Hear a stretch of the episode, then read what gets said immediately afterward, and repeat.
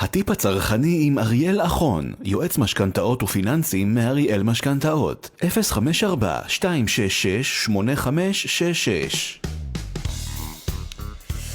טיפ הצרכני עם אריאל אחון, כן, כן, חברים, הגענו גם אל זה. איזה יופי. אמ, אנחנו, אתם יודעים, כמדי שבוע מדברים פה עם אריאל אחון, הוא נותן לנו ייעוץ בענייני משכנתאות, והיום אני רוצה לדבר איתכם על משכנתה לשיפוץ הבית. כן, יש דבר כזה, אתם שומעים נכון, זו משכנתה לשיפוץ הבית, שמאפשרת בעצם לקבל איזשהו סכום של כסף נזיל שיוכל לעזור לכם בשיפוץ. אה, ובכדי להבין טוב יותר, אנחנו נגיד ערב טוב לאריאל אחון, יועץ משכנתאות ופיננסים מאריאל משכנתאות. ערב טוב לך. ערב טוב רות, ערב טוב לכל המאזינים. אז תגיד רגע, כשאתה אומר uh, משכנתה לשיפוץ הבית, אני ישר הולכת לראש הישראלי, אתה יודע, מה זה בעצם שיפוץ? מה... למה אתה קורא שיפוץ בית שאפשר לקחת עליו משכנתה? שאלה מצוינת. זה גם מה שהבנקים שואלים אותנו למעשה. אה, אוקיי. אתה אומר, זה, בעצם, זה בדיוק החור אה, האפור הזה שאנחנו יכולים לשחק שם. בדיוק, זה איזשהו תחום אפור כזה, אבל אה, אתם יודעים, אנחנו במדינת ישראל, ולכן גם הבנקים, המערכת הפיננסית, אה, יודעים בדיוק גם על מה להסתכל ומה לבקש. מה זאת בעצם משכנתה לשיפוץ? כשמה, כלשונה. משכנתה שאני לוקח איזושהי הלוואה על חשבון הנכס שלי, יכול להיות כתוספת למשכנתה קיימת, יכול להיות כמשכנתה חדשה לגמרי, אם כבר אין ברשותי משכנתה, מצב נהדר, אה, שבו אני רוצה לקחת הלוואה, אני רוצה לפרוס אותה לטווח ארוך, אוקיי? והמטרה שלי לשפץ את הנכס. עכשיו בואו נדבר על שני סוגים כלליים של שיפוץ. יש שיפוצים שהם קטנים, אה, אולי קוסמטיים, אולי אה, אה, כאלה שהם יותר בתוך פנים הבית, אולי גם מחוץ לבית, אם שיש בית עם גינה או בית קרקע, אה, אבל הם, הם מוגדרים תחת הכותרת של שיפוץ שאינו דורש קבלת היתר בנייה. למשל, אני רוצה לעשות איזשהו שיפוט של, של הגינה, אני רוצה לקנות בנוסף פרגולה חדשה, אולי גם לחדש את המטבח, אה, לצבוע מחדש, לעשות איזשהם שינויים בבית. כל עוד, כל הדבר הזה לא דורש היתר בנייה, זה סוג אחד של משכנתה לשיפוט. רגע, שאלה, השני, שאלה כן. רגע לפני. אני יכולה נגיד במקום הזה, בחור הזה של שיפוץ שלא צריך אה, היתר בנייה, נגיד בא לי לרהט מחדש את הבית? זה גם יכול להיכנס, או שאתה אומר זה כבר too much? תראי, כן ולא. תכף אני, תכף אני אגע בזה. תלוי באיזה בנק ו... ותלוי באיזה יום ובאיזו שעה אנחנו פוגשים אותם. הבנתי, אוקיי. אוקיי? אה, זה, זה, כזה, זה תחום אפור, בגלל זה אמרנו שזה כזה על, על התחום האפור. כן. Uh, אני תכף ארחיב קצת. Uh, החלק השני בעצם מדבר על משכנתה שאנחנו לוקחים אותה, אנחנו כבר רוצים לעשות שיפוט שהוא דורש היתר בנייה, כמו למשל הורדה של קיר, תוספת של חדר, בנייה של קומה נוספת, אה, משהו שכבר באמת אה, מתייעצים פה עם אדריכל, עם ארכיטקט, ואומר חבר'ה זה לא שיפוט שיכול להיעשות רק, רק ברמה הקוסמטית לצורך העניין, ופה בעצם הבנק רוצה לראות אה, ממש תוכניות בנייה ורוצה לראות היתר בנייה. לכן מדובר פה בשיפוט שדורש היערכות גדולה הרבה יותר. לשאלתך, רות, כן. תראי, אמ, הבנקים בעצם בשנים האחרונות, הלא מעט שנים האחרונות, מה שהם עושים, הם לא מסתפקים בזה שאני בא ואומר להם אני רוצה משכנתה לשיפוץ. כי הבנקים נורא חרדים אמ, למצב שבו אני לא אקח סתם כסף, אומר להם תראו זה הולך לשיפוץ, בסוף אני לא אעשה את זה. לכן חלק מהבנקים היום, או רוב הבנקים אפילו, ניתן לומר, הם הרבה יותר uh, מבקרים בעצם אותי כלקוח בבואי לבקש את המשכנתה הזאת. זאת אומרת, יכול להיות שהם יגידו לי בהתחלה תראה לי הצעות מחיר, ויכול להיות שבהמשך הדרך הם יגידו לי תראה, אני אשחרר לך את זה בשלבים ביחס לתוכנית שיפוץ. כלומר, אני ארצה לראות קבלות על תשלומים שביצעת, או הזמנות עבודה שביצעת. חלק מהמקרים, ברור שכמובן שמדובר בהיתר בנייה, אבל גם לפעמים שלא בהיתר בנייה, תבקשו משמאי להגיע לנכס. Mm. לוודא שהשיפוץ נעשה אה, כמו שצריך. כלומר, הם לא ידקדקו איתי על השקל. זאת אומרת, אם אני צריך איזשהו, נגיד סתם דוגמא, 200 אלף שקל לשיפוץ אבל, אבל הם כן יבדקו שאכן מתבצע שיפוץ. זאת אומרת, כן, אני לא כן, יכולה לקחת בדיוק. איזה קבלן אה, ולהגיד לו, בוא נעשה רגע עסק, אני אתן לך זה, אתה, אתה תיתן לי את מה שאני צריכה, וכך אני אקבל את, ה, את הכסף ש... אמור להיות לשיפוץ, אבל אני אעשה איתו דברים אחרים. יפה, אז זה עניין של ביצה ותרנגולת. אה, כלומר, ככל שסכום הכסף הנדרש יהיה גבוה יותר, אני מדבר דווקא על המצבים שלא דורשים היתר בנייה. כי מה שדורש היתר בנייה זה ממש כן, בנייה. כן, בדיוק. כלומר, אז פה חייב, חייב להיות גם אישור של אדריכל, או של, סליחה, של קונסטרוקטור, של מהנדס בנייה, שמגיע וחותם על מספר של הבנק, שה, שבעצם הבנייה זה כבר לא ממש שיפוץ, מתקדמת כמו שצריך. במצבים שהם לא דורשים היתר בנייה זה הרבה פחות פורמלי, אה, תלוי גם כמובן בגובה הסכום, אם אני ארצה 100 אלף שקלים, זה לא אותו דבר כמו שאני ארצה 350 אלף שקלים. כן. כלומר, יש פה, יש פה משקל בעצם להסתכל על, ה, על הדברים. הבנקים, תראו, בסוף הבנקים זורמים עד גבול מסוים עם הבקשות האלה. מבחינתם זה סוג של הלוואה, לא? הם מרוויחים כסף, הם נותנים הלוואות, הם אוהבים לתת הלוואות. כן, בדיוק. אה, ככה שהאינטרס המשותף הוא אה, שאני רוצה לקחת כסף והבנק רוצה לתת לי את הכסף הזה. כל מה שרוצים אה, למנוע זה, זה חונה תחת הגדרה של איסור הלבנת הון, שהם רוצים לוודא שהכסף הזה הולך באמת למה שביקשתי, משום שהבנקים לא רק בשיפוצים, אגב, בכלל, גם בהלוואות לכל מטרה, הם, הם רוצים למעשה לוודא שיש, אבא, שיש שורה שצבועה לכסף הזה. כלומר, אני תמיד נותן את הדוגמה הזאתי שלא לקחתי הלוואה והלכתי לקנות עכשיו אוטו ב-200 אלף שקל. כלומר, או הלכתי לעשות משהו אחר, הצהרתי משהו כזה, ופחד של הבנקים בסוף זה שאנחנו ממנפים את עצמנו לדעת אה, על כסף שאין לו הצדקה אמיתית. אה, אז זה נכון למעשה כמעט לכל סוגי המשכנתאות שלו לדיור. הבנתי. רגע, יש אבל גובה מסוים שהוא מקסימלי, ש... שאני יכולה כאילו לשאוף אליו כ... כ... כמשפצת, או שאתה אומר כן, כל עניין כן. לגופו? כל עניין לגופו, אבל יש גבול. כלומר, הגבול הוא הגבול הידוע שאנחנו מכירים מבחינת החוקים של בנק ישראל. אנחנו לא יכולים לעבור את ה-50% משווי הנכס, אוקיי? Mm-hmm. כמובן, בשמאות שתכלול את השווי שלאחר השיפוץ. אם אני עכשיו מוסיף עוד חדר, אז, או מוסיף עוד קומה, אז כמובן שהנכס יהיה שווה הרבה יותר. אז אנחנו לא, השמאי לא, לא יגדיר את השווי הנוכחי של הנכס אלא השווי העתידי. אותו כנ"ל בשיפוץ אה, גם בתוך הבית. אם אני בא ומבקש 200 אלף שקל, לעשות שיפוץ רציני, להחליף את המטבח, להחליף את כל, ה, אה, אה, את כל הרצפה, ולא יודע, ולעשות איזשהו שינוי בריהוט ותאורה ועבודות, כמובן שהדבר הזה ישביח את, את הנכס, יעלה את ערכו, ולכן אנחנו קודם כל נתייחס עד 50% מהשווי העתידי של הנכס, אחרי השיפוץ. אבל שוב, יש איזשהו, איזשהו גבול. אני לא יכול לבוא בבית, לצורך העניין, אה, בתוך בניין, בבית של 100 מטר, אה, להגיד שאני רוצה לעשות שיפוץ ב-350 אלף שקל. כן. רגע, שאתה... לא פרופורציונלי לצורך העניין. שאתה אומר שאפשר לשעבד את הנכס, אבל אם יש לי משכנתה, גם ככה הבית שלי משועבד, אז כאילו, אני יכולה לשעבד אותו שוב? לגמרי. כמו שאנחנו דיברנו גם בעבר על הלוואות לכל מטרה, זה הרי אותו רעיון. זה עד 50% משווי הנכס, בניכוי יתרת משכנתה ככל שיש. כלומר, בואו נעשה את זה פשוט, לשם החישוב. כן. אם הנכס שלי היום שווה מיליון שקלים, אני יכול לשעבד אותו עד 50% מימון, כמו תמיד, כן. וזה החוק הכללי. זאת אומרת שיש לי איזשהו buffer של 500 אלף שקלים.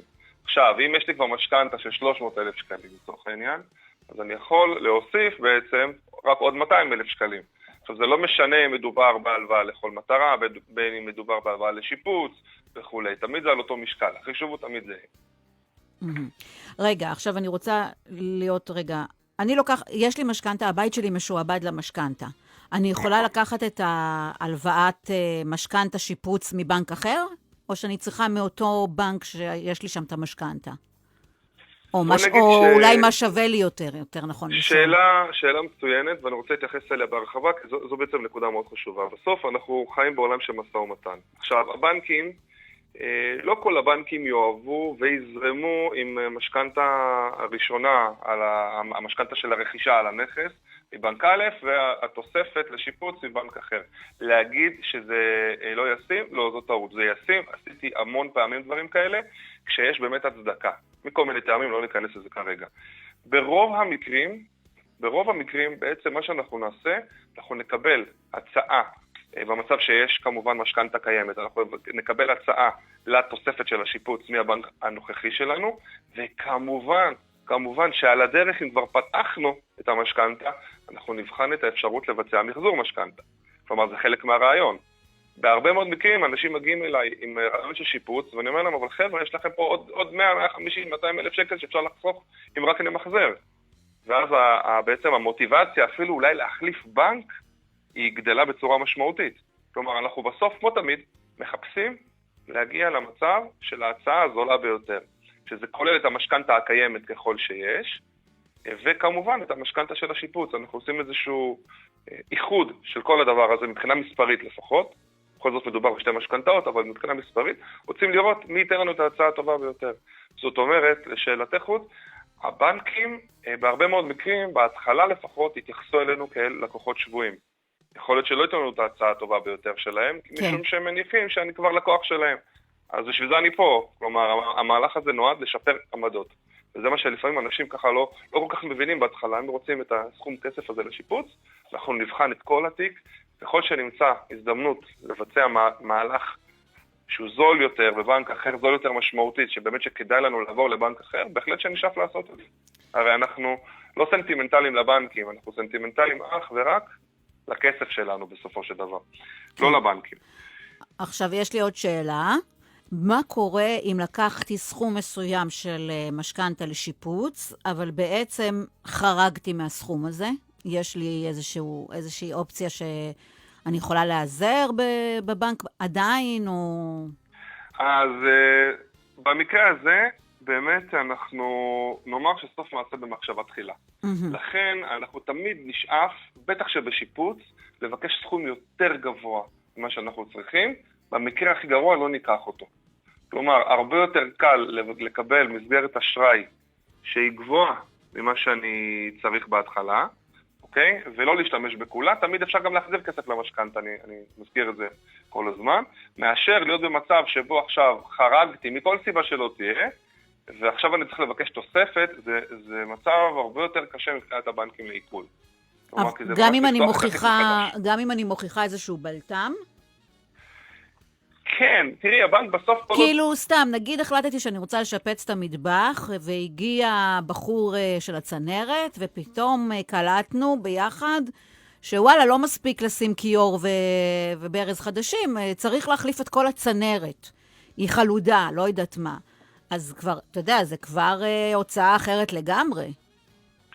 אז קודם כל נכון. אה, אז אני אומר, תמיד אנחנו קודם כל נשאף לקחת יותר. כדי שתמיד תהיה לנו את האפשרות גם לא להשתמש בזה. זה לא מה שאם קיבלתי מסגרת אשראי, אני חייב להשתמש.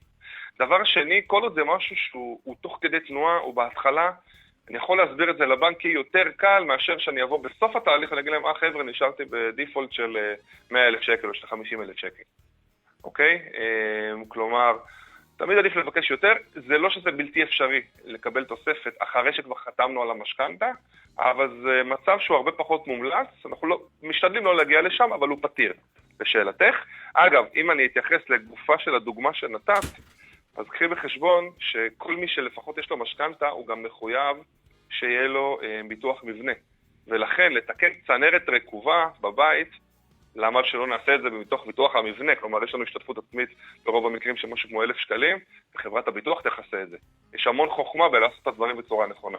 על זה אנחנו נדבר באחת הפינות הבאות שלנו, על, על הטריקים הקטנים האלה, של איך לא ליפול בפח סתם ולשלם המון כסף איפה שלא צריך. כן. בעיקר בצנרות וחשמל ודברים כאלה. אוקיי, אתה אומר, אה, אתה אומר נגעתי פה בפינה, בפינה גדולה מדי בשביל אה, לפתוח את זה. לא, אבל, אבל לגופו של עניין כן, כלומר, אפשר תמיד להעלות את, ה, את המחיר, אה, את הסכום שאני מבקש, אבל רצוי שלא, כי זה בעצם לפתוח מחדש את הכל, ואז הבנק עוד פעם צריך לבחון את זה, זה לא ייקח יומיים, זה ייקח כן. זמן, כי צריך לחתום מחדש על הכל, למעשה, ולבצע את התהליך מחדש. אמ, אולי פשוט גם שווה, אתה יודע, לפני שמבקשים מהבנק את ההלוואה של השיפוץ, אז באמת להביא את כל אנשי המקצוע אל הבית, לעשות איזשהו מין מערך כזה של מה אנחנו רוצים לעשות, כמה תהיה העלות, לזה מוסיפים. בשביל זה הולכים, בשביל זה מגיעים אל, אליך כתור יועץ, בשביל לדעת מה, מה הדרך אה, לעשות את זה ולקבל את המשכנתה בצורה הכי יעילה. בדיוק, כלומר, כש, כש, בדיוק. כש, כשמישהו מגיע אליי עם אה, רעיון של שיפוץ, אז הדבר הראשון שאני שואל, אוקיי, וכבר נפגשתם עם בעלי מקצוע, יש לכם תוכנית קיבלתם הצעות, לא תוכנית סדורה על, על המילימטר, אבל יש לכם רעיון מסדר, קיבלתם כבר הצעות מחיר, ועל זה נוכל להעמיס עוד איזה שהם בלת"מים. אה, חלק לא מבוטל מהאנשים אומרים, לא, אנחנו רק חושבים על זה, אז, אז אנחנו בעצם צריכים לבנות תוכנית אה, שתיקח בחשבון את הערכת המחיר. כלומר, אם אני הולך לקנות עכשיו מוצר, אני רוצה לדעת כמה אני הולך לשלם. אם אני הולך לקנות אוטו עכשיו, אני, יודע, אני צריך לדעת מה התקציב שלי, אני לא יכול לבוא למגרש או לסוכנות מכוניות, בגלל אני רוצה אוטו ויעלה מה שיעלה, נכון? כלומר, על אותו כן. משקל. כן, אני כן. רוצה לדעת מה, מה יש לי בארנק, מה, מה, מה הגיוני לי, מה, איזה הצעות אני מקבל, ומתוך זה אנחנו כמובן נרצה לבנות את התקציב של השיפוץ ולא הפוך. התקציב לא יכול לשלוט בנו, אנחנו צריכים לשלוט בתקציב. אמ, כמה דברים קטנים אחרונים שקשורים לשיפוץ, ככה נקודות קטנות. אמ, לפעמים כשמדובר בסכומים, בואו נגיד של אה, אה, עד 50-100 אה, אלף שקלים, לא תמיד הכי חכם לקחת את זה במשכנתה. זה לא אומר שזה לא נכון, יש אלטרנטיבות, לפחות ללקוחות שהם יותר טובים, יש אלטרנטיבות לא רעות בשוק, בין אם זה מהבנק, בין אם זה מחברות מימון חוץ-בנקאיות. וזה לא דורש את כל הנושא של השמאות ושעבוד הנכס, כל ההוצאות שמסביב, שווה לשקול את זה. כלומר, אולי זה קצת יותר יקר בריביות, אבל, אבל לפעמים הרבה פחות בלאגן מבחינה פרוצדורלית והרבה פחות אה, זום ככה של, אה, של גוף מימון, של בנק, שמסתכל ודורש כל הזמן בקרה על התהליך. אה, לפעמים עדיף לקחת את זה כהלוואה אחרת, רגילה, ולאו דווקא משכנתאית? לפעמים, כן, לפעמים, לא תמיד, עוד פעם, זה תלוי גם ביכולת החזר. אם את רוצה...